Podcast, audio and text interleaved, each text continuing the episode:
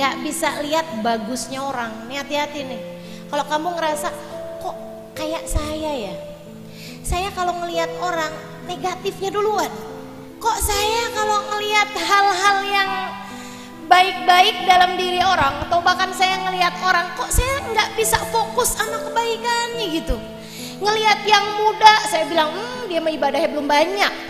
Ngelihat yang tua, uh dosanya udah banyak banget pasti. Ngelihat yang berilmu, ah dia mah cuma bisa ngomong doang. Ngelihat yang bodoh, ih nggak dikasih ilmu berarti nggak ditakdir baik sama Allah. Ngelihat orang kaya, hmm, palingan pelit sedekahnya kagak ada. Ngelihat yang miskin, ih itu hamba-hamba yang dihinakan sama Allah.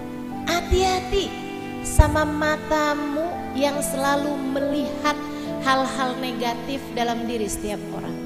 Akan tetapi kalau kamu punya mata yang terbuka, memandang kebaikan setiap orang, maka kamu akan selalu dimudahkan Allah untuk melihat hal-hal baik dalam diri setiap orang.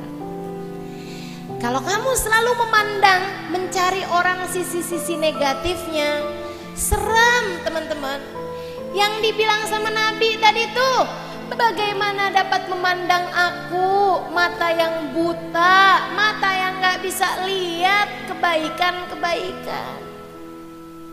Lihat sisi-sisi baik dalam diri setiap orang. Semakin pandai kamu melihat kebaikan dalam diri setiap orang, matamu akan semakin terbuka, terbuka, terbuka, terbuka hingga semoga matamu diizinkan memandang yang paling indah bagindamu Nabi besar Muhammad sallallahu alaihi wa ala alihi wasallam.